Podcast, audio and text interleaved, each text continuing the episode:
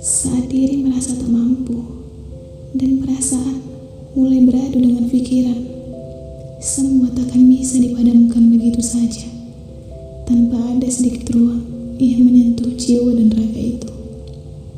Saat otak mulai membeku dan saat mata mulai mengadu, apa yang bisa dilakukan? Berharap akan ada keajaiban. Oh, tidak. Ia mampu karena mau. Ia giat karena niat. Ia bisa karena biasa. Lalu, apalagi yang ditunggu?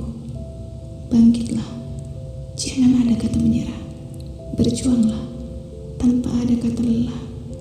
Berhati-hatilah dan jangan sampai lengah. Proses adalah jalan menuju sukses.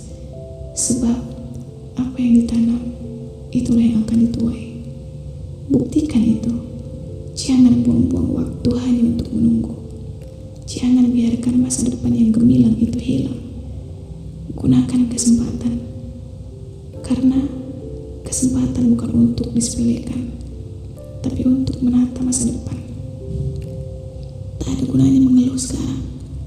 Karena perjuangan yang dibutuhkan dan doa yang selalu dipanjatkan. Ketika hasil tak seperti yang diharapkan, putus asa bukanlah jalannya, dan peluang pasti akan kembali datang. Jangan pernah disia-siakan, karena penyesalan selalu datang belakangan.